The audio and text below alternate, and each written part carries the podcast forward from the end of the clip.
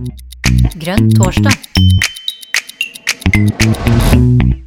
Velkommen til Grønn torsdag, Karina. Nå har det vært valg. Hva har skjedd? Ja, det er et godt spørsmål, eh, Jon. Eh, jeg lurer litt på det sjøl. Hva er det som traff oss i dette valget? Og det er noe av det vi skal snakke om i, eh, i kveld, eh, Jon. Er du, Um, er du innvalgt, Karina? Det er jo det vi alle lurer på. Det er derfor de er her. Ja, jeg vet ikke om det er meg folk lurer på, men svaret er ja. Jeg ble innvalgt, og jeg er veldig veldig takknemlig for det. Og det har jeg fått med at du også har blitt, Jon. Og ikke bare det, men jeg har også fått med, Jon, at i kveld så har du skrevet under en avtale som gir deg en plass i et formannskap, stemmer det? Ja, det stemmer. Eh, Valg, såkalt valgteknisk samarbeid. Altså ikke noe politisk, for at det her er alt fra SV til Frp med, så det er litt stor spredning. Men vi har en teknisk avtale, sånn at eh, jeg og SV så Første gang jeg sitte i formannskap sammen med SV, og det blir bra. Men vi, vi har jo noen gjester, Karina. Vi må ikke glemme de, er, selv om vi er hovedpoenget her. Ja, vi liker jo å prate, så, så vi kan jo holde det gående, vi. Eh, Men vi har faktisk invitert eh, to gjester i dag, i tillegg til alle de andre fine, flotte folka som har kommet hit. Og eh, det er vår partisekretær eh, Torkil Vedrus, eh, som jo sjølsagt har relativt grei oversikt over hva som skjer rundt omkring i MDG-land. I tillegg så har vi fått med oss ei fantastisk god nyhet fra Valdres, Jon. Kan du fortelle litt om Marie Marit Nitun Utheim? Ja, for vi stilte nemlig Vi, nei, de, noen fikk til liste i Nord-Aurdal kommune. Altså, det er kanskje ikke alle som plasserer det, men Fagernes har de fleste fått med seg. Og Der bor Marit, og der driver du en overnattings... Kaller dere dere hotell? Nei. Ja, altså vi, eh, Vet du hva, vi, dette her er min families uh, lille fjellstue som eh, mannen min og jeg overtok, overtok for 30 år siden. Og nå er det, kan du si, det er fremdeles et hotell. Vi har eh, bygd leiligheter og noen hytter, og så har vi en sånn stor eh, låve som vi har arrangementer i. Så vi driver mye med sånn, du kan tenke deg bryllup, eh, konferanser, seminarer og en del litt sånn artige ting som Hemsingfestivalen og Sommersymfonien. Og, så det er sånne Ja, konserter. og så dyrker dere grønnsaker også, har jeg hørt rykter om. Ja, er det 900 meter? Er vi er, på, ja, vi er på 900 meter over havet, og nå har vi dyrka Vi lærte oss dette her eh, etter å ha møtt en gartnerentusiast for fire år siden. Så nå har vi Altså, vi dyrker poteter, vi dyrker blomkål, brokkoli, purreløk. Utrolig mye forskjellig. Altså, jeg har snakka med så mange bønder som har sagt at det er kun ikke mulig å dyrke annet enn gress eh, på 900 meter. Så, så, så det du gjør, er Du gjør altså det umulige, Marit. Er det det du har eh, som, som eh, prinsipp? At du skal vise at det umulige er mulig? Vet du hva, det er meg tatt på kornet. Det umulige ting er det beste jeg vet. Det er noe av det jeg liker å drive med. Så umulige ting, det er fint, altså. Så nå blant annet, altså når det gjelder den dyrkinga, det er så moro. Jeg lover deg, jeg er jo kokk, ikke sant? Det er mannen min òg. Så vi er jo veldig langt over gjennomsnittlig interessert i kvalitet. Og den kvaliteten som vi får til her nå, altså det er så gøy. Det her og så i sommer så har vi da satt opp et digert drivhus med tomater og agurker og urter og salat og Ja. Så det er bare Jeg sier bare Altså, det er ikke sant. Norge er så mye mer dyrkbart enn det de tror. Men det Dette er her, eh, dette brenner du for, eh, Marit, det hører jeg. Og så må jeg bare få si gratulerer med at du er blitt valgt inn i kommunestyret i Nord-Aurdal. Det er jo helt fantastisk. Det er også det umuliges kunst, er det ikke det? Det er jo fantastisk. det, det så ikke så veldig bra ut en stund her, da. Så, for at det var jo liksom litt vanskelig å få noen til å bli med, og jeg vet ikke hvorfor. Jeg, jeg bare tenkte at søren heller, jeg drar i gang en MDG-lokallag her oppe. Og ringte rundt og holdt på, ikke sant. Og det var veldig vanskelig, for å si det sånn. Og så til slutt så sier hun ene som hadde sagt at ja ja, men du, vi får prøve om fire år igjen. Fire år, siden? Aldri. Aldri i verden. Jeg pressa folk til å bli med, altså. Og det, var, det er mange som er interessert, men noen hadde altså type stillinger og sånn som ikke gjør at du kan stå på en sånn liste. Mm. Men vi fiksa det. Mm. Ja. Herlig. Men nå må vi jo nesten slippe Torkil til også. Hvor mange telefoner har du snakka i siden uh, mandag kveld, Torkil? Nei, skal jeg sjekke her? Nei, det, altså, det er vel eh, Det er vel tresifra. Det tror jeg. Det, det, ringer nesten kontinuerlig, så nå må jeg avvise de. Og spesielt er det jo det er litt sånn du ringer fra partifeller eh, først, og så eh, ringer du fra andre partier når vi har når de er litt sent ute da, noen ganger med å få med seg hva som skjer lokalt rundt omkring. Det er noen, noen tidligere samarbeidspartier eller mulige samarbeidspartier som er skuffa. Da begynner det også å ringe noen ganger. Så det er spennende. Ja. Men eh, vi tror, har jo denne sendinga på litt sånn status. Eh, og hovednyheten var jo at vi ikke gjorde det så bra som i 2019, men bedre enn i 2015. Eller ja, media sa vel det var veldig mye ned i forhold til 2019, men uh, dette er jo vårt nest beste valg. Det er jo ikke tvil om det. Hvor mange ja, folkevalg... Vet du hvor mange folkevalgte vi har nå? Eh, nei, fordi bydelsvalgene i Oslo, som også er folkevalgte, er ikke ferdig opptatt før på mandag. Oi. Det blir, eh, blir over 200, da. Det vet vi. Og så er det sånn ca. 100, rundt 190 nå, og ca. 20 til som kommer på mandag, kanskje. Mm. ja. Men uh, ja, nei, det er helt klart at det er en uh, nedgang fra 2019, og det er jo det som er vondt på en måte i den prosessen vi er i nå. Å se flinke folk som ikke kommer inn, og flinke folk som detter ut. litt liksom typisk at vi får beskjed om at Eh, eh, I starten ser det ut som flere faller ut enn det gjør helt til slutt, så det blir jo liksom sånn J-kurve i følelseslivet. At det først er liksom forhåndsstemme nå, og så er det ganske mange som er inne. Og så stuper det ned, og da er plutselig veldig mange ute. Og så nå i går så kom jo var det jo syv-åtte kommuner hvor vi vippa inn igjen eh, på de siste stemmene. Som i Sortland og eh, Hadsel eh, og Hammerfest og veldig viktig stedet for oss å være som parti. Um, men totalt sett så har vi falt ut i, i rundt 40 kommuner.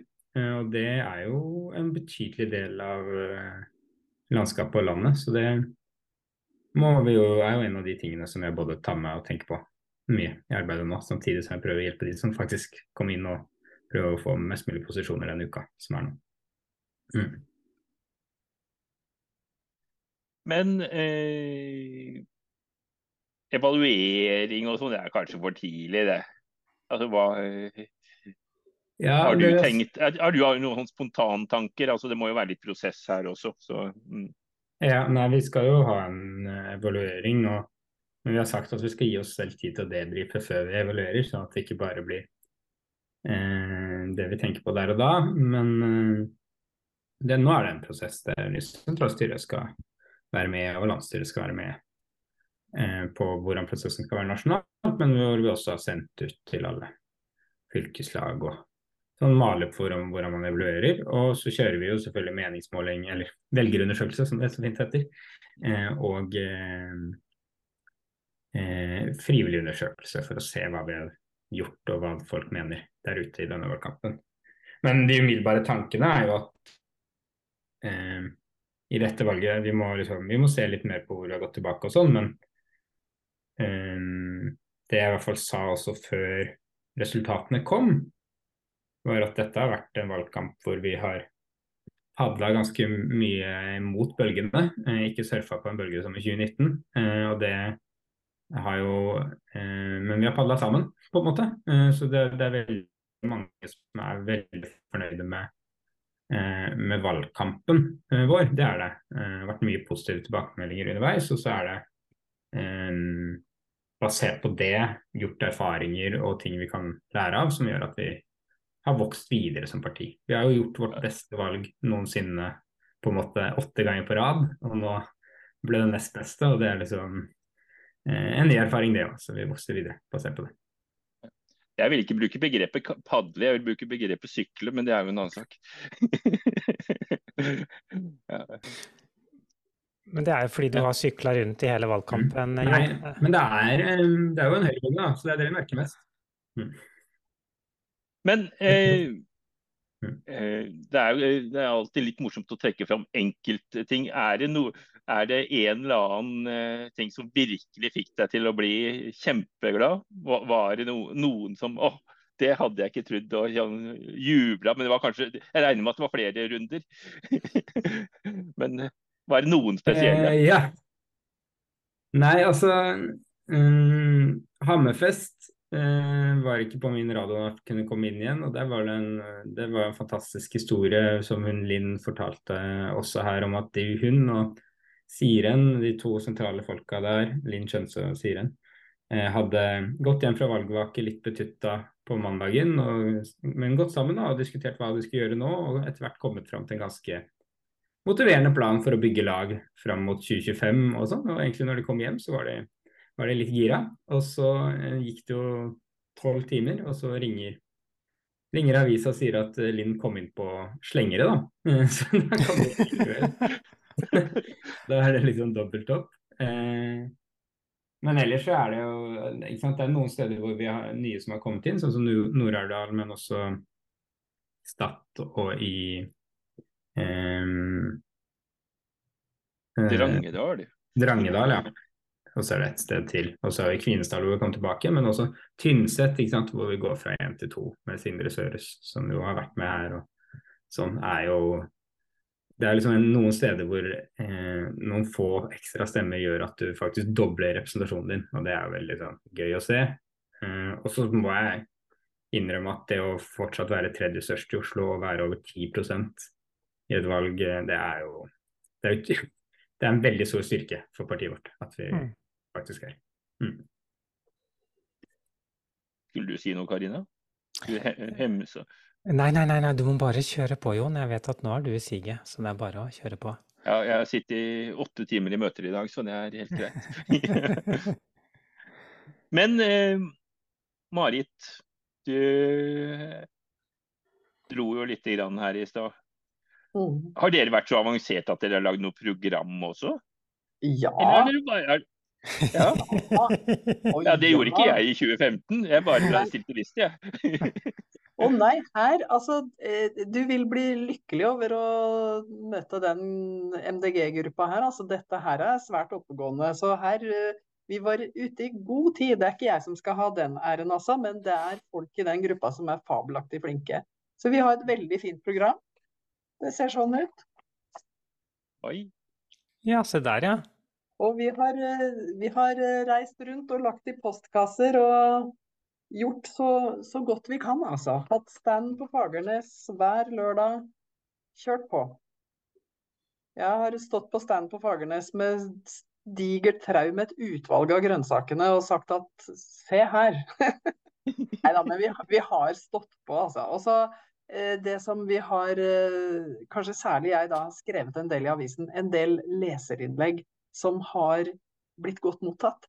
Så det var vel egentlig det som fikk meg til å tenke at dette her var mulig i det hele tatt. Og der har du hatt en strategi, Marit. Eh, kan du fortelle litt om strategien din i forhold til leserinnlegg, og hvem du har henvendt deg til? Ja. Det starta med at jeg ble så irritert fordi at det var så mye sånn krisesnakk. ikke sant? Stakkars oss, vi holder jo på å stryke med her i landet. Det er så dyrt og det er så alt mulig er gærent og fælt. og så, så, tenkte jeg søren, dette her, det irriterer meg. Det hører med til historien at jeg er oppdratt av fattigfolk. Mine foreldre var veldig fattige, begge to. Så de starta her oppe med så tomme hender at uh, det, det, var svært uh, karrig, for å si det rett ut. Og de har jo oppdratt meg, og dermed så blir du veldig sånn nøysom og, og Ikke sant? Og så skrev jeg en uh, artikkel hvor jeg um, påpekte at i løpet av noen år så har vi bare blitt sløsete. Og vi gidder ikke å høste bær og sopp, og vi kaster og vi forbruker og vi holder på. Hva er det vi driver med, liksom? Og denne artikkelen traff nok en del eldre mennesker. Som var så hjertens enige, og som ringte meg, og som skrev til meg, og som stoppa meg på Fagernes og sa åh, det der er så sant. Og da tenkte jeg akkurat. Det er mange gamle mennesker de liker ikke det de ser. De vokste opp med en nøysomhet som er blitt borte. Og de er ikke så glad i den høyrebølgen her, altså. Det tror jeg ikke. Så jeg tenkte hva om vi prøver å, å nå dem, da. Med at det som vi står for, er omtrent sånn som det det var når de var små, liksom. Og når de lærte seg litt nøysomhet og ikke sløse og alt dette her. ikke sant? Og det har funka. Det er rett og slett eh, De er mange, så jeg tenker det er jo tragisk med ungdommen som stemmer sånn som det de gjør plutselig. Vi skal ikke glemme de gamle, altså. Sitter en del folk i bygdene og tenker fy søren, altså, det var mye bedre før. De må vi få tak i, tenker jeg. Mm. Ja. Det tror jeg. Jeg syns jo det er eh, et sånt friskt bris da, å høre om, uh, høre om uh, hvordan vi kan henvende oss til en annen aldersgruppe enn ungdommen. Uh, så, så, så, jeg syns jo det er ekstra artig at du, at du, er så tydelig på det. Mm. Er det spesielt innlegg du er spesielt fornøyd med i løpet av valgkampen din? Altså, jeg skrev et om min egen bestefar. Mm. Det trykka de på julaften. Mm. Det tok, da ringte presten i Etnedal og sa Marit, vet du hva, kan vi sette oss ned og prate en dag? Og da tenkte jeg, hva er det som treffer dem så veldig? da? Men Mm. det, det stykket handler om at min bestefar, som da som sagt, han var lutfattig, han hadde, de hadde ti unger. Bestemor hadde tre kull med unger, og bestefar eh, altså hun ble enke og hun ble fragått. Og til slutt så møtte hun bestefar og fikk sju unger. Og, så ti unger, liten gard. De hadde jo ingenting, ikke sant, annet enn maten som de greide å produsere. Og så stakk hesten hans av, den ble borte. Og da mm, fant jeg, eller mamma fant i, da han, eh, da min siste onkel som hadde gården da, døde, så, så ble det funnet et skriv som har hengt på butikken på Fagernes, hvor de folka altså, som bodde på Fagernes den gangen, sånn i 1930 omtrent, hadde lagd sånn kronerulling for å kjøpe ny hest til Ole på Kampen, min bestefar. Mm. Og da tenkte jeg det er så utrolig hvordan de som hadde omtrent ingenting, noen av dem, ikke sant, samler de sammen til ny hest til han. Mm. Og det oppslaget var utgangspunkt for det jeg skrev. Og da sa jeg hvor har det blitt av denne holdningen? Mm. Hva er det som skjer nå? Folk som sitter i Sveits og ikke vil betale skatt. Og hvor har det blitt av den gode, gamle, de gode, gamle verdiene? Mm. Sånn litt kort fortalt. Den kom på julaften, og den var det mange som så. Så jeg tenker at dette handler om verdier, altså. Og nå er vi så på feil retning at det er jo til å Åh. Men de gamle menneskene vet det her, så det gjelder bare å riste litt liv i dem, så de stemmer på oss, ikke sant. Mm. Så, du, så du har på en måte appellert til, til verdiene eh, og nøysomhet? Ja. Nøysomhet, verdier, mm, ta mm. vare på det. Det som de sto her og brøyt med hakke og spett og greier, ikke sant, og dyrka. Og så skal vi bare bygge hytter på det og herje med det på den måten der. Nei, Mm. vet du hva, dette gidder jeg ikke å se på. Nå skal jeg gjøre alt jeg kan. Det er liksom utgangspunktet. Mm. Så jeg, er litt sånn veldig entusiastisk, kan du si. Ja, det, det får jeg med meg. Det er veldig inspirerende å høre på, Marit. Det skal du vite. Eh, Torkil, hva tenker du når du, når du hører Marit eh, snakke om sin valgkamp og dette med å, å fremme nøysomhet og verdier? Nei, det er jo en eh, det- er jo fantastisk å høre. Jeg får veldig lyst til å lese da, disse innleggene. som jeg i min lokalavis, dessverre. Eh, eh, og det, det er jo nettopp det som skjer noen steder. Da. Det høres ut som Marit har funnet et fantastisk rom for grønn politikk, rett og slett. Eh, basert på de verdiene som er der. Eh, og det må jo bare være å dele. Og så er det jo er jo mye forskjellig, så det kan være at Marit også har spesielle talenter som ikke vi andre klarer å kopiere overalt. Men eh, vi kan i hvert fall lære å nytte det, det, det hun har produsert. Mm. Mm, mm. Um, og så går vi jo inn i en fase nå, akkurat nå så handler det på en måte om å, om å bare få inntrykkene inn og, og få gjort opp status, rett og slett. Eh, og, og status nå er jo uansett hvordan vi vrir og vender på det, at, at, eh, at eh, vi har færre eh, representanter ute i Kommune-Norge nå enn vi hadde eh, før 11.9. Eh, det er det ingen tvil om. Men likevel så, så har vi representasjon i store deler av Norge, og vi har vi har jo mange som har fått fornyet tillit, kanskje med nød og neppe også. Eh, og en del kommunestyrer som, hvor vi har hatt flere, hvor vi kanskje gått ned til én eller to. Altså vi har fått en reduksjon i antall. Um, sånn umiddelbart, hva, hva, tenker du om hva dette her betyr for partiet, og er det noe, ligger det noen mulighetsrom her, Torkel, slik som du, du ser det? Og, og her jeg inviterer gjerne dere andre til å mene og synes litt underveis òg, altså. Ja, nei, altså En ting som var veldig viktig som vi glemte i stad, var at vi kom inn i alle fylkesting. Og det var eh, sto lenge én stemme i Finnmark på det. Eh, at vi mangla én stemme i Finnmark for å komme inn der. Og den eh, kom i posten fra Oslo, den. Eh, som mange av disse stemmene gjør. Eh, så det er viktig å erkjenne. Liksom forhåndsstemmene på fredag har noe å si. Eh, men eh, det tror jeg på en måte gjør at vi i hvert fall kan si at vi fortsatt er et landsdekkende parti, rett og slett. At vi kan jobbe over hele landet. Og det er veldig viktig å bygge på.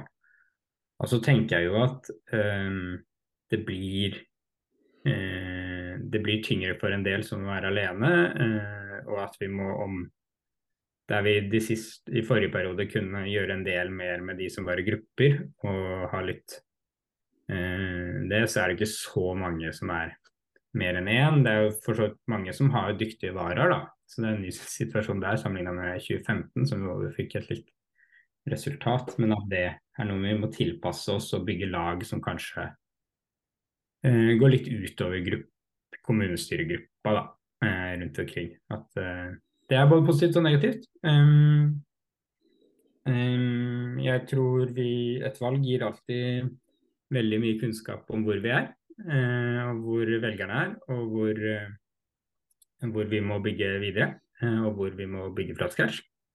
Og det er jo eh, litt sånn at eh, jeg tror eh, vel, altså Det jeg i hvert fall vet, er at vi har veldig mange erfarne folkevalgte nå òg. Som sitter rundt og har en plan nesten allerede. Vi er på dag tre etter altså De fikk vite at det ble valgt inn i går eller foregårs. Og mange av de vet nå nøyaktig hva de skal drive med de neste fire årene. de, og Det gjorde de ikke for åtte år siden, da vi var like mange, og det gjorde de ikke for fire år siden, da vi ble mange flere. Eh, så der er det liksom det, vi, kan liksom vi kan bruke den kompetansen litt på å hjelpe de nye, for så vidt, men også på å liksom bruke tida på det som er viktigst eh, fremover. Så det, det syns jeg var deilig å se, må jeg innrømme. Og så er det fortsatt mye som er uavklart rundt hvor mange folk som blir tilgjengelige i ulike fylker for å drive med politikk, f.eks. Der vi har vært mm. heldige nå. Så det må vi også se på fremover. Mm. Men noen steder så blir det jo heltidspolitikere fortsatt, sånn som i Innlandet og i Møre og Romsdal og eh, sånn, hvor folk eh, har forhandla og funnet gode, gode måter å samarbeide på fremover. Ja, jeg går jo på min tredje periode nå, så jeg tilhører jo de som da har brent meg noen ganger, så det er viktig å gjøre det. Så, så, det, er, det, er, vel det er flere som meg som da har er dratt inn i 2015. Men Hove fra uh, Ullensaker Jeg holdt på å si Ullensvang, ja, men det er et helt annet sted. Det er Ullensaker, ja. Hovedflyplassen og Jessheim. Vi har Norges største ja. punktutslipp, vet du. Det er bra. Vær så god. Takk. Ja, nei, jeg må si jeg røyk ut på mandagskvelden. Jeg har jo vært i prosess siden. Og noe av det Torkel sier, har jeg også tenkt på. Nå er vi jo en del arbeidsledige med virketrang som plutselig har fått fryktelig mye fritid og bare What? Hva skal jeg gjøre nå? Eh, så ja, jeg melder meg med en gang i en sånn gruppe til å modne partiet, kanskje, for å hjelpe til litt. Fordi at jeg har tenkt veldig, veldig mye de siste dagene. Og det er jo dette her med at velgerne er misfornøyd eh, med Arbeiderpartiet. De kan ikke se at de har en plan for fremtiden som funker. Så går det til Høyre. Det er mest fordi at de ikke har noe annet valg. Og jeg tenker det er et momentum vi bør ut, dra nytte av da, til stortingsvalget. For jeg har hørt så mange si nå at de ble overraska over at uh, vi falt såpass mye. Og de har lagt merke til at vi har lagt på oss veldig mye kompetanse og har uh, fremtidige løsninger. Og er kanskje et lite parti som har den kompetansen, kompetansen som trenger for å løse de tingene som er i uh, det 21. århundret. Og så var jeg på Jeg tenkte jeg kan ikke sitte her og henge med huet, så jeg dro på Blindern i går og var på Arne Næss symposium. Så jeg hørte på eh, bl.a. Per Espen Stoknes, og det var Kristoffer Robin og Maria i Nordre Follo, som jo kom inn på personstemmer og, og slenger i går kveld. og stemningen var elektrisk blant oss, og også, også at uh, ja, men kanskje vi nå skal begynne å bygge det grønne folkepartiet hun ønsker seg. Vi kan nemlig være det, for vi har de løsningene. og Dette var jo professorer i økonomi som foreleste for oss. og Det var jo som å høre partiprogrammet vårt. ikke sant? Vi er jo der allerede. Uh, og Det er det samme som White snakker om, det å være nøysom. Uh, sirkulær økonomi, gjenvinne, alt dette her. Uh, vi har det. Vi må bare klare å få vist frem at vi er partiet som har løsningene for eh, fattigdomskrisa, miljø- og klima- og naturkrisa. Så yes. Takk, takk. takk Tove. Noen eh, kommentarer, Marit, eh, Torkil? Ja, men det er jo Altså, vet du hva, det der er det, det, du sier er jo akkurat det som jeg også føler, at det, det, er jo bare det beste programmet. Vi har jo valgt oss tre hovedområder da, her i Nord-Aurdal. Og det er, det er, selvfølgelig dette her med natur, ta vare på natur og få slutt på den hyttebygginga. Men det er også landbruk. Og det er boligpolitikk. Ehm, men det med landbruk, det er merkelig at ikke folk har lest og sett hva slags landbrukspolitikk det faktisk er i MDG. Den er jo som skapt for sånne steder som Valdres, for de små gårdene og fjellgårder og alt dette her. Det er jo helt perfekt. Og det har jeg tenkt at det skal jeg søren meg bevise. Bl.a. med å kjøre på og dyrke her oppe. Altså Hvis vi kan klare det som bare er to kokker, og bare ha fire års praksis, hvorfor, hvorfor blomstrer ikke de gårdene her oppe? Hvorfor vil ikke folk ha dem? De blir jo bare nedlagt, og det må vi ha slutt på med en gang. Og det er MDG-politikk som er helt riktig. Jeg er helt enig, altså. Men det gjelder bare å på en måte få folk til å skjønne det, da, ikke sant? Mm. Så ja. Det er nettopp det, og det, jeg tror det, Tove. Vi, vi må definitivt finne måter å bruke energien til alle dere på videre inn i å bygge videre lag. Både det med hvordan vi får snakka og lært av disse, hva disse velgerne responderer på, rett og slett, eh, rundt omkring. Som hva de responderer på i Nord-Aurdal, og hva de responderer på i Ullensaker. Som er no, to klassiske eksempler på forskjellige virkeligheter. Altså, Ullensaker fikk en voldsom Frp-bølge eh, i nå. Det er vel den beste Frp-kommunen i landet fort. Um, og det er jo liksom ja, jeg tenker det at vi må, vi må bare bruke den, det grunnlaget vi har i politikken vår til å få finne ut av de, det der, eh, rett og slett. Og det blir noen viktige prosesser fram mot 2025. Både selve valg, det vi kaller valgkamp, altså kontakt med velgere, men programprosess og, eh, og, noen veivalg for partiet som jeg håper at alle skal være med på eh, i tida fremover, rett og slett. Mm. Så må jeg jo si, da, før jeg slipper deg til igjen, Tove, at eh, jeg blir jo oppriktig lei meg at eh, vi mistet en av de to utrolig fine plassene vi hadde i Ullensaker. Fordi eh, uten, uten, uten, å på en måte å, å, å, legge på for mye Dere gjorde en dritbra jobb eh, og, og, skapte avtrykk og var med på å, å endre retningen i kommunen. Så, så, så, all ære og heder til dere for det. Og det er klart, det, det kan dere jo fortsette med, men det blir jo litt mer krevende med én en enn med to. Tove, vær så god. Tusen takk. Nei, nå blir vi i opposisjon, så nå gjelder det å trå vannet.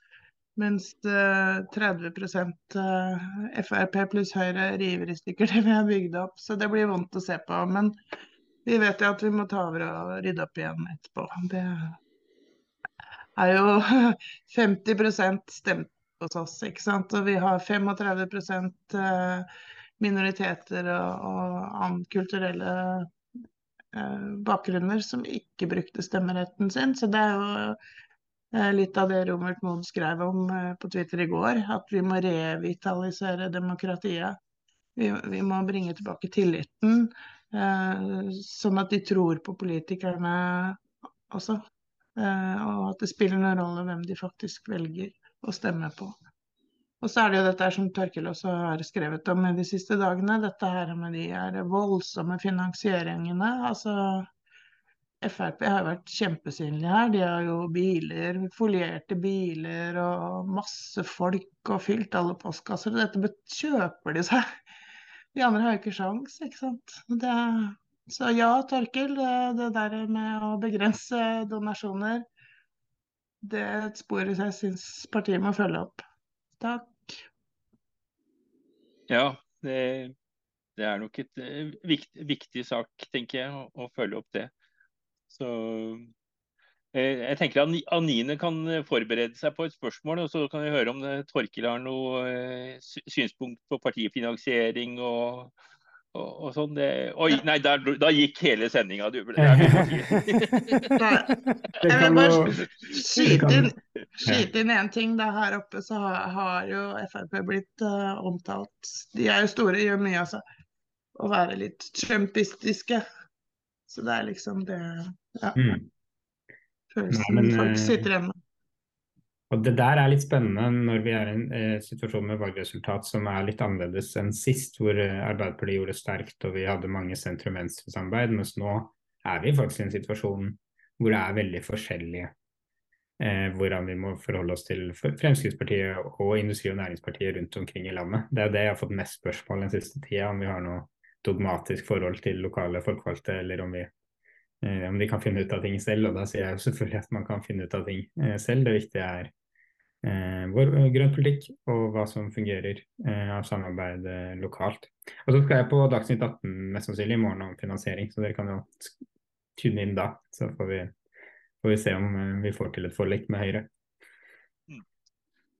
Men nå har ikke jeg diskutert dette med Karina, men en dekker neste torsdag så vurderer vi å liksom grave litt i valgdeltakelse, eller i hvert fall jeg.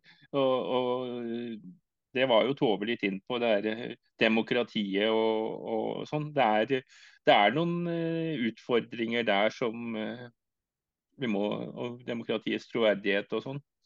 Det, det, er en del punkter der vi kan se på, men jeg vet ikke om vi får så mye velgere på det. Men skal vi gå til den ytterste nøkne ø, eh, Karina? Ja, det syns jeg er en veldig god idé, altså. For jeg er veldig, veldig spent på åssen det er på den ytterste nøgne ø.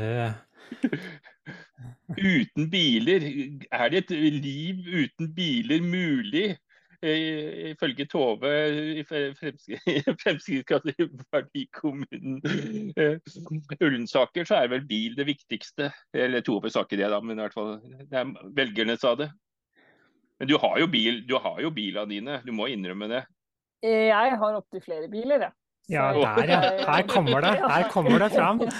og bensinbil attpåtil. Jeg har en, eh, hva var det, en Subaru Impresa 1995-modell. Ja, men den står på eh, fastlandet? Eller den står på fastlandet, og den har kjørt 73 000 km i løpet av de årene den har levd.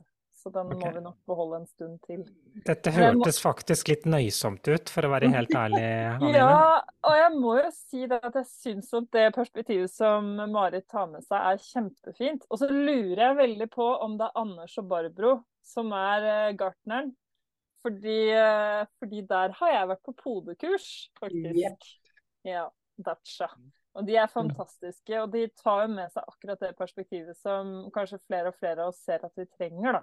Uh, Men, der, uh, hva lurer du på om Færder, da? Jeg kan jo si at nei, jeg, bare jeg tenkte, Hvem er du? For du er, det er jo folk her som ikke vet hvem du er. Anine Stausland, førstekandidat for Eller nå er du vel sikkert da gruppeleder for MDG i Færder kommune. Og Færder ja. kommune er da en sammenslåing av diverse kommuner fra gamle dager. Ja. Vi har slått sammen av Nøtterøy og Tjøme, og vi har ca. 28 000 innbyggere. Vi ligger syd for Tønsberg. Sånn at eh, mm. eh, Så vi er en eh, Vi sliter jo litt nå da med at det ble vedtatt at vi skal dele opp fylket vårt igjen. Sånn at det som var Telemark-Vestfold eller Vestfold-Telemark, skal da bli Vestfold igjen. Så eh, vi har jo heldigvis fått inn to stykker på fylkesnivået vårt. Men til gjengjeld så blir vi jo bare da seks kommuner i fyl dette fylket her, da. Så vi ikke Vi blir ikke sånn stor gruppe sånn som vi har vært, hatt gleden av å ha med oss Telemark, liksom. Så det er litt men uh, altså, jeg har blitt spurt flere ganger om jeg er fornøyd med valget. Jeg er egentlig kjempefornøyd. Vi, uh, selvfølgelig raste vi ned fra 2019, og det hadde vi jo forventa. Uh, vi havna på 5,5% og så har vi fått to mandater. Og det er jo en halvering av det vi var. Men sånn som vi, har, vi var jo kanskje de kandidatene som fikk flest slenger av andre partier. Og det handla veldig mye om at i valgkampen så ble det veldig klart ordførerdiskusjon. Hvem skal vi velge som ordfører? Og der gikk Arbeiderpartiordføreren på en måte av med seieren, da, håper vi. Og det var jo kjempespennende for oss, for det havna akkurat på midten. Hvor eh, for å, for å, få til eh, å beholde ordføreren, så måtte vi lage et sånn kjempesamarbeid med SV, Rødt, MDG, KrF, Senterpartiet, Arbeiderpartiet og Venstre og INP eh, mot Høyre og Fremskrittspartiet, liksom. Men eh, etter personstemmene og slengere var på plass, så stjal Arbeiderpartiet et mandat fra Fremskrittspartiet, og da ble kabalen mye lettere, da. Så vi er i den eh, situasjonen hvor, eh, hvor, det pågår forhandlinger, da. Så vi er foreløpig veldig optimistiske og driver og sitter litt stille i båten. Fordi er, her er det Arbeiderpartiet som må gjøre deler av jobben. Så, men det, så, så, sånn er ståa her. Vi vet ikke så mye ennå. Vi, eh, vi, vet at vi er to kandidater, Katrine Palm Spange og jeg, som skal sitte i kommunestyret de neste fire årene. Jeg uh, gleder oss til å være rabiate opp opposisjonspolitikere hvis det er den rollen vi havner i. Eller så får vi prøve å være litt ansvarlige, da. Hvis, uh, ja. hvis det blir Men, hun der Palm Spange hun egner seg vel ikke som ansvarlig, gjør hun det? Nei, det kan jeg ikke tenke meg. Kan jeg ikke tenke Nei. meg. ja. Til dere andre, det er hun som skrudde på kameraet sitt nå. Ja.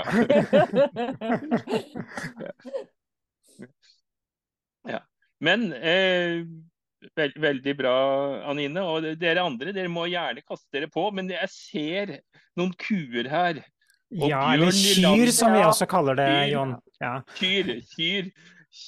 Eh, Bjørn Nylander han ble ikke valgt inn. Han kommer da på andreplass på eh, lista i Vang i Valdres. Det er ikke så langt unna eh, Marit.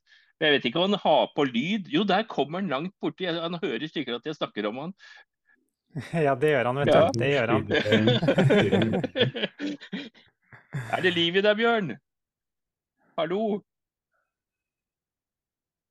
Nei, han får ikke til lyden. Han er i fjøset. Han må unmute. Der. Der, ja. Hei. Hei. Hei. Velkommen jo. til Grønn torsdag eh, rett fra fjøset. Det har du vært før også, Bjørn?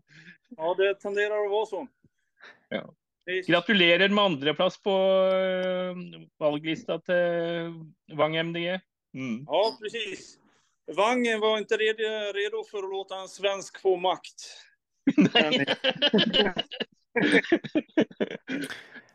Og det, ja, kommer de, det kommer de til å angre på. Det er jeg helt sikker på. Ja, ja. Um, jeg, jeg, tenker at det er veldig bra med Erlend Eggen, altså. Um, og jeg er egentlig glad for at jeg slipper det der oppdraget. Uh, jeg er jo bonde, egentlig. Erlend er en mye flinkere politiker enn vad jeg er. Men, eh, men han Eh, vi, vi, hadde jo tenkt at det skulle være jeg som skulle gjøre det der, alltså. Eh, men eh, sånn er det. Eh, det som, det som jeg kanskje tenker på når det gjelder valresultat i Vang, det er jo at vi mister 20 stämmer til rött. mm. som stilte med lista i Vang.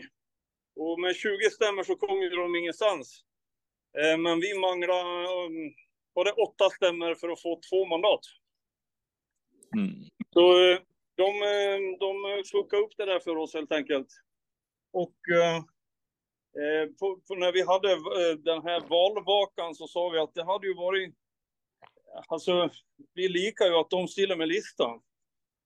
Men, och, men vi kanske hade likat det ännu bättre om de hade stämt eh, stilt på den här listan med traditionell röd politik.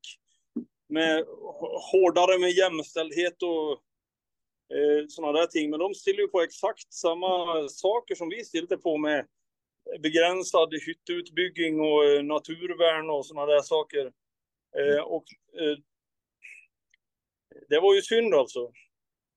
Eh, vi, vi, skulle naturligtvis ha samarbetat och det hade vi vetat att de skulle, att de skulle ha den här listan, då hade vi väl säkert kontaktat dem om det eh, också. Men, men nu rakk vi inte det helt enkelt. Mm. Men eh, det är ju en... Eh, vi, vi, är ju glada över vårt valresultat. Vi, vi, eh, vi tappar ju någon procent, tror jag det var. Eh, men vi fikk jo omtrent lika mange stemmer som vi fikk forrige gangen, pluss plus att vi tappet 20 til Rødt. Mm. Vi regner med at huvuddelen av de som, eh, de som stemte på Rødt, stemte på MDG förra valet. Mm. Så vi mener jo at vi gikk jo egentligen eh, fram 20 stemmer. 20, 20 stemmer mer for folk som er interessert av miljøspørsmål. Mm. For de som stemte på Rødt, de, de är också, har jo tydelig miljöfokus. Mm. mm.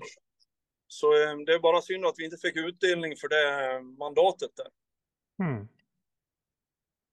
Och sen, eh, sen eh, tänker ju vi nu då framåt på hur vi ska kunna eh, backa upp Erland bättre i eh, kommunstyret. Eh, så att han eh, slipper dra det där lastet själv. Eh, det, det, är en viktig sak att tänka på i Vang.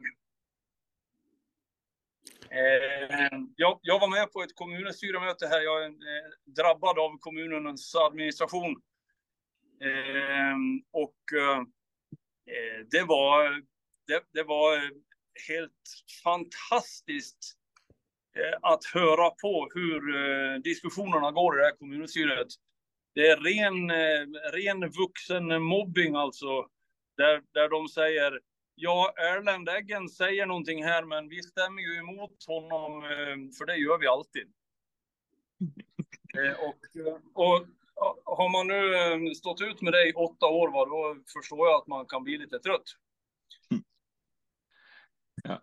Eh, bare litt sånn orientering. Eh, Erlend Eggen, som da Bjørn nevner, han sto vel på femte-sjetteplass, eller hva ja. det var? Ja, ja. Og fikk da flest personstemmer og rykka opp og kom inn. Han har da sittet i to perioder før. Ja. Og, han, eh, og, det der med kulturen i de forskjellige kommunestyret, det er veldig forskjellig. og i, Jeg, jeg snakka med Erlend om dette for en stund siden, og den er ikke veldig god kultur i, i Vang i Valdres. Og så er det noen steder det er veldig godt samarbeid, og andre steder det er dårligere. Ja. Og så er det så koselig å se at du har et så godt forhold til kyrne dine. De er i hvert fall glade i deg, Bjørn. Det er i hvert fall helt sikkert. ja, det her er, det her er Emma. Eh, eh, Jon har ikke heller vært her og mjølket, så vidt jeg kan minnes. ja, ikke det, nei. Nei, nå har både Rasmus og jeg gjort det, så nå er det din tur, Jon. eh, Torkil, du har rukket opp hånden. Jeg tror du skal få slippe til. Ja, nei, det ene er jo at uh, ja, både sånne opplevelser som i, i, kommunestyret må vi jo også prøve å få vist fram for velgerne. Det er kanskje det Erlend eh, får da med disse personsstemmene og eventuelle slengere, at han får støtte egentlig fra folket. Men da, det jeg egentlig hadde lyst til å eh, si, var at dette med miljøvelgere at det er en viktig sånn, erfaring jeg mener vi allerede i hvert fall skal se på, er at eh, en ting er nå at både Venstre og SV har kunnet være mye mer i opposisjon. altså For fire år siden så var Venstre et regjeringsparti i regjering med Frp. Eh, så det var jo tøft nok eh, for klimatroverdigheten i utgangspunktet. Og SV er jo tross alt ikke inne i regjering nå, har kanskje unngått så mye sånn nasjonal kritikk for regjeringens miljøpolitikk. Men også Høyre har i stor grad i denne valgkampen prøvd å selge inn unngå å fremstå som anti-miljøpolitikk, Selv om de har sagt at avstanden er stor i noen saker med MDG hovedstaden og et par andre steder, så har de vært veldig tydelige at de har valgt en annen linje hvor de mest eh, ja, jeg må si rabiate høyrepolitikerne som eh, var, vi har opplevd før i 1921 i sine uttalelser, eh, i stor grad har unngått den konflikten med oss. Og eh, målet til de målet også til Høyre har vært å fremstått og unngå å jage vekk eh, grønne velgere.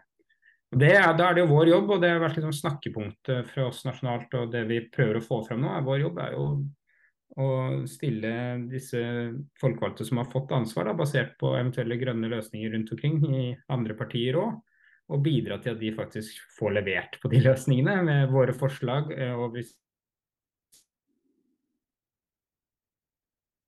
ta ansvar i tiden som kommer. Mm. Mm. Takk, eh, Tarker. Sofie? Ja, hallo. Uh, jeg sitter i, i, bilen, så det er ikke så veldig lyst her. Men jeg har på kamera, i hvert fall. Um, typisk MDG-er å være i bil, forresten. Men uh, det jeg tenker sånn uh, Nå er det jo litt sånn motgangstid.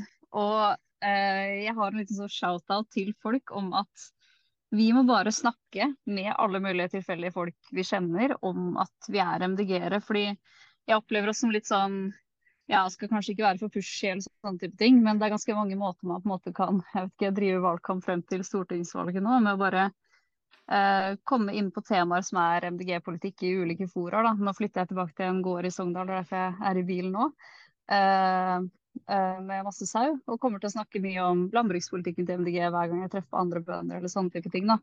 Eh, så igjen, sånn ikke pushy, men at vi at vi bare er veldig stolte av at vi er MDG-ere. Og det tror jeg vi kan bygge veldig mye lag på. og at vi normaliserer det mer. For det er jo helt vanlig for folk å si at ja, jeg, jeg er eh, i styret i Høyre i Alna, eller alt ettersom. Men at vi på en måte viser at vi er stolte av det. Det er veldig mange som gjør det allerede, men jeg tror vi kan gjøre det enda mer. da. Sånn at man får et sånn kjent fjes på hva som er en MDG-er i alle mulige settinger. Og um, ja. Takk meg. Da må jeg nesten eh, få lov til å si noe, Karina. Eh, hun ja. der, eh, som vi var innom i stad, hun er Katrine Palm Spange. Hun ja. sa til meg at MDG-ere generelt var altfor dårlig på å klikke lik og del. Ja. Altså, virka, virka som vi har sperre på det. Altså, vi skal ta, så, vi skal ta hensyn til alle, vet du. Det kjente, det kjente, jeg litt på også. Jeg, jeg, jeg, sliter litt med å klikke sånn lik, lik og del. Ja, ja, altså jeg er livredd for å bli plassert i bås, jeg kjenner. Hvis jeg driver og liker og deler ting. Er, eh, jeg, jeg tror, tror, det er en greie der. Eh, Anine, du har ropt opp Er du MDG-er? Ja, ja, ja, ja. Ja, ja, ja. ja. Eh, jeg, I hvert fall så Rent offisielt er jeg det, i hvert fall. Så, så prøver jeg å like dele. Men jeg, jeg, kjenner jeg har en sperre, så det, det er en greie der. Anine? Ja, altså, jeg bare assosierte det med tanken på sosiale medier osv. Altså, jeg har sjelden problemer med å like å dele noe, men så er det på en måte ikke den kanalen jeg oftest bruker heller. Så var det jo en sånn diskusjon nå da, med at liksom, det var TikTok som vant uh, valget, og så tenker jeg det uh, Ja, man kan kanskje si det. Jeg har den erfaringen fordi uh, eldstesønnen min, han har jo vært Grønn Ungdom i denne runden her og reist rundt på masse valgdebatter og stått på valgtorg og, og på en måte holdt den grønne fana hevet da, i ungdomsmiljøet.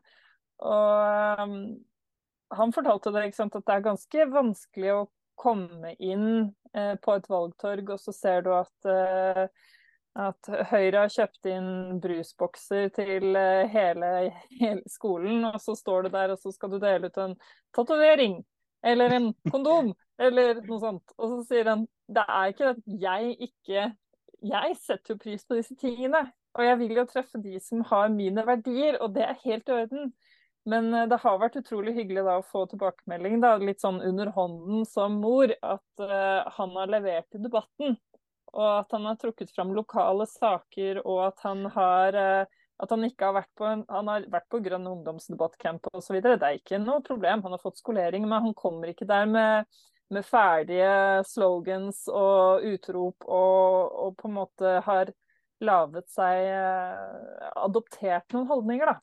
Han har eh, han og den andre grønne ungdommen som har tatt skoledebattene, har snakka om de tingene som er lokale, som handler om strandsonen vår, om fastlandsforbindelser, om naturen og om eh, elevers muligheter til å få lærlingeplasser hvis det ikke går så bra i næringslivet vårt og sånne ting. Og det har de jo har jeg fått tilbakemelding fra, da, fra lærere på disse skolene som er nødt til å stå i bakkant og være veldig nøytrale og, og rolige, og ikke, ikke, like å dele så veldig mye akkurat det, da. For de må være litt nøytrale i debatten. Så, men eh, en annen ting er jo at vi har prøvd å være litt mer aktive på Facebook. Og en ting er jo å få Vi har jo fått masse hjelp og likes, og vi har jo vært det hele store kollektivet i MDG som har hjulpet hverandre der. Men eh, en av postene som vi har hatt, den har fått kjempemye liker og delinger og alt sånne ting, men har til gjengjeld fått et enormt kommentarfelt eh, med veldig mye ubehagelige kommentarer. Mm. Og veldig mye unyansert og eh, altså spesielle ting som jeg tenker at det er, det er noen ganger sånn vanskelig å svare det opp. Eh, og da kjenner jeg på en måte at eh, lysten til å bruke sosiale medier på den måten, det, det blir litt borte. Fordi at jeg ikke orker å, å, svare ut. Og så tenker jeg nå har jeg bare prøvd å la det dø ut. I starten prøvde jeg å være supervittig og snu det til uh, noe annet, sånn som jeg ser andre har prøvd å gjøre i kommentarfeltet og sånn. Men jeg uh, tenkte at akkurat det gadd jeg ikke å bruke valgkampen min til, rett og slett. Det var hyggeligere å snakke med folk som ville snakke med meg, eller som ikke var så veldig opptatt av ACER eller noe sånt. Så det var, det var liksom lokale forhold og sånn. Så det var en sånn uh, semidigresjon fra min side. da. Jeg kan like å dele, men jeg er ikke så flink. Liker ikke å måtte krangle med folk etterpå. Er ikke bare det, men de er bare ute etter å krangle òg. De er jo ikke interessert i hva du egentlig mener. De skal bare fremme sitt syn, og de har en tydelig agenda på det. Og, det er, og, og hele, hele, strategien er jo å spamme ned folk med de syke meningene som de har. Eh, syk er jo selvsagt eh, min tolkning, da, og min, min, min farge på det. Eh, men Jon, i, i, Innlandet så prøvde dere å smøre velgerne med å dele ut is, av alle ting? Ja, det var eh, veldig vellykka. Eh, altså det, det, var en måte å få dialog med folk altså det, jeg, jeg, ser jo at det er veldig mange partier som deler ut mye ræl, hvis jeg kan bruke det. Eh, og her eh, kortreist økologisk is, det eh, var veldig dyrt, men det ga mange gode samtaler. jeg vil vel ikke oppfordre andre til å gjøre det fordi at det var 30 kroner per is. Lan, Lan sto på Hamar og delte ut 350, tror jeg det var, på, i løpet av en times tid. Så det var jo men, men uh, isen var ve veldig bra. Jeg vet ikke om Torkle var så heldig at han fikk smakt den, men uh, nei. vi, vi, fylke Vi har vært litt dårlige på å bruke penger noen år, og så var det uh, så så testa vi noen forskjellige varianter. Jeg skulle gjerne vært på, på, det, på, på, det, på den uh, brainstorminga der. Altså. Nå sitter vi med mye penger, folkens. Hva skal vi bruke penger på? Nei, vi kjøper is, dere! Vi kjøper masse is! det var ikke min idé. uh, Marit, vær så god. Ja, du, Når det gjelder is, da. Jeg må jo innrømme at jeg fikk jo den litt ubehagelige gleden av å sitte i debatten på Valdres videregående skole, det var så nedslående som det går an. Eh, men vi fikk i hvert fall delt ut litt is, pluss at jeg hadde det store grønnsaksfatet mitt der også, så de fikk tomater og agurker og litt forskjellig også. Men isen var ikke noe dårlig idé, altså. Men du står jo med Fremskrittspartiet midt imot da, med sine Red Bull og alt det her, ikke sant. Ja. Det var eh, Skolevalget, det var ikke noe gøy. ja, Så du var på skolevalgsdebatt? Ja, og det var jo Du kan si jeg prøvde jo å få lurt en annen til å gjøre det, da. Men jeg ble jo sittende med disse ungdommene som da mm, var godt skolert i hva de skulle si, og alle de standardmeningene. Så til slutt så sa jeg at eh, OK, altså, men eh, se dere rundt, da. Vi satt jo i Valdres, og det raste jo, og det flomma, og det var jo Alt var jo gærent her på den tida. Men billig bensin og snus og greier og fraværsgrenser, og det var det de var opptatt av da. Så jeg veit ikke. Det sitter jo sikkert mange der og, og tenker åh, hva er det som skjer? Så det er vel kanskje de vi må prøve å få tak i. Eller så må vi gjøre noe med de som stemmer så rart. Jeg. Jeg er helt ny, så jeg tror at alt er mulig, jeg, vet du. Ja. ja men det er greit å være litt urealistisk. Ja, jeg tror det.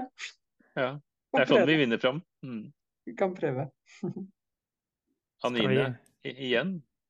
Nei, skal, Dere skal få gå inn for landing, men jeg, jeg bare håper at Torkil eh, formidler eh, til alle, til hele Grønn Ungdom, hvor takknemlige vi har vært for at de har eh, stått på for oss. Og mm. altså, ja, jeg har egeninteresse at jeg har et barn der, men jeg ser hvor mye de jobber overalt og står på og er engasjerte. Og så får de liksom en sånn i fleisen at Greta Thunberg-generasjonen er død, mm. liksom. Og så tenker jeg sånn der syns jeg faktisk biskopen i Oslo var kjempeflink. Kari Weiteberg, det hun skrev. ikke sant? Jeg vet at jeg i hvert fall skal stå opp i morgen og kjempe for den generasjonen her. Og det tenker jeg, det må de grønne ungdommene våre bare få vite at eh, så det er, akkurat der kjente jeg når jeg nå har overtatt som gruppeleder, at jeg syns det er litt synd å ikke ha kontroll over disse grønne ungdommene. Ikke kontroll. Eh, misforstå meg. min, min er blitt 18, så jeg har ikke noe kontroll på noen som helst måte. Men, men eh, kommunikasjon. Altså, det å få tak i dem og få vist hvor mye vi setter pris på dem, og hjulpet dem eh, altså Bare å komme seg fra en videregående skole til en annen videregående skole? Det, har, det har veldig mye å si for hele lagbygginga vi driver med. Da. Så der er det bare masse klapp på skuldra. og gleder meg til å se de andre grønne ungdommene som dukker opp etter hvert. Altså. Dette var så vakre ord, eh, Jon, at jeg lurer på om vi rett og slett skal runde av her. Så for da, da, slutter vi med liksom en, en, ordentlig sånn oppturkommentar. Eller hva tenker du, Jon? Jeg mener du det at hvis vi hadde gitt Torkil sjansen til en kommentar, så ville det ikke bli en oppturkommentar? Nei, det kan jeg ikke si, så vi må jo spørre Torkil, da. Nei, jeg, jeg bare... både Torkil og Marit skal få sjanse til sluttkommentar. Vær så god, Torkil. Ja. Jeg ville selvfølgelig stemme i det Anine sa. Det er veldig mange nå som hadde sin første skoledebattrunde for oss i Grønn Ungdom, vet jeg, og de bygger erfaring og motivasjon til å til å jobbe videre, og så må vi også hjelpe dem eh, framover med det. Eh, så vi har tett eh, dialog om det, og så håper jeg jo det også gjelder alle de voksne politikerne. At eh, de både får motivasjon og støtte i tiden som kommer, både fra de som eh, både de politikerne som ble valgt inn, og de politikerne som nå eh, har masse tid til å drive et politisk prosjekt som er utrolig viktig i tida vi står i, rett og slett, og som virkelig trenger alle hendene og hodene vi kan få fram mot 2025 eh, og 2027. Supert, tusen takk, Torkil. Marit, hvordan har det vært å være her i kveld og kjenne også på at det begynner å synke inn at du nå er kommunestyrerepresentant?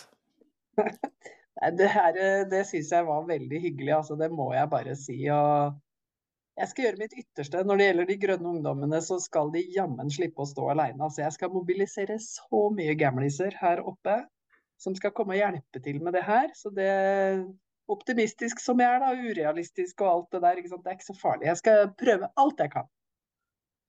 Mm. Veldig, veldig bra. Og, og, eh, i tillegg så har vi jo også disse, dette flotte fjøset på, eh, på, på Vang, som, som, vi fremdeles ser i, i bildet på, hvis dere ser på, på Gallery View. Um, eh, tusen, tusen takk, alle sammen. Og eh, jeg, jeg tenker jo at, at på en eller annen måte så klarer vi å skape en samling rundt der vi er nå. Eh, og, og, og tilbake, de tilbakemeldingene jeg har hørt, er at folk stort sett er veldig, veldig fornøyd med måten vi har fått til valgkampen på. Og så er det helt åpenbart at vi har kanskje ikke helt eh, truffet, eller at vinden har vært annerledes i år, for å si det sånn. Um, så får vi bare være tro mot oss sjøl, tror jeg. Uh, og så går vi jo inn i en evaluering. da. Jon, har du noen tanker rundt evalueringa uh, som nå kommer? Uh, vi skal ikke, skal, skal ikke konkludere på den nå, Jon, men har du noen tanker? Skal jeg da bare gjenta ting jeg har sagt før, eller skal jeg prøve å tenke noe nytt? Prøv å tenke noe nytt. Nei, jeg, jeg, har jo ikke jeg har Mer is med... til folket!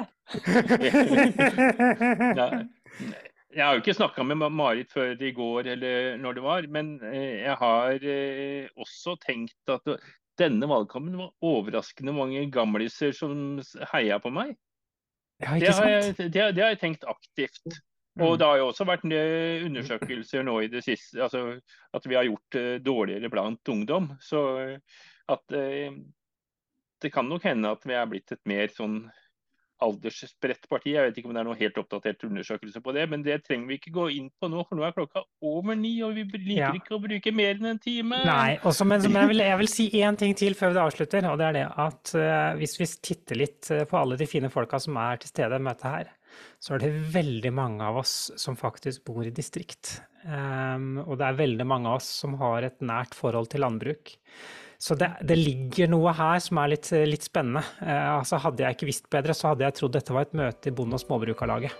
Så, så, så, så, jeg tenker at dette her Det, det, er, det er, noe, det er noen ting her som er, er, spennende å ta tak i. Vi er mye mer enn et byparti, det er i hvert fall helt, helt sikkert. Så når det er sagt, så får vi vel avslutte, Jon. Jeg sier tusen takk eh, spesielt til Marit og, og Torkild for at dere dukket opp eh, som, som, spesielt inviterte gjester. Og tusen takk til alle dere andre for at dere var med å prege, prege denne hyggelige og gode samtalen på en torsdagskveld. Så det fint, folkens. Vi snakkes.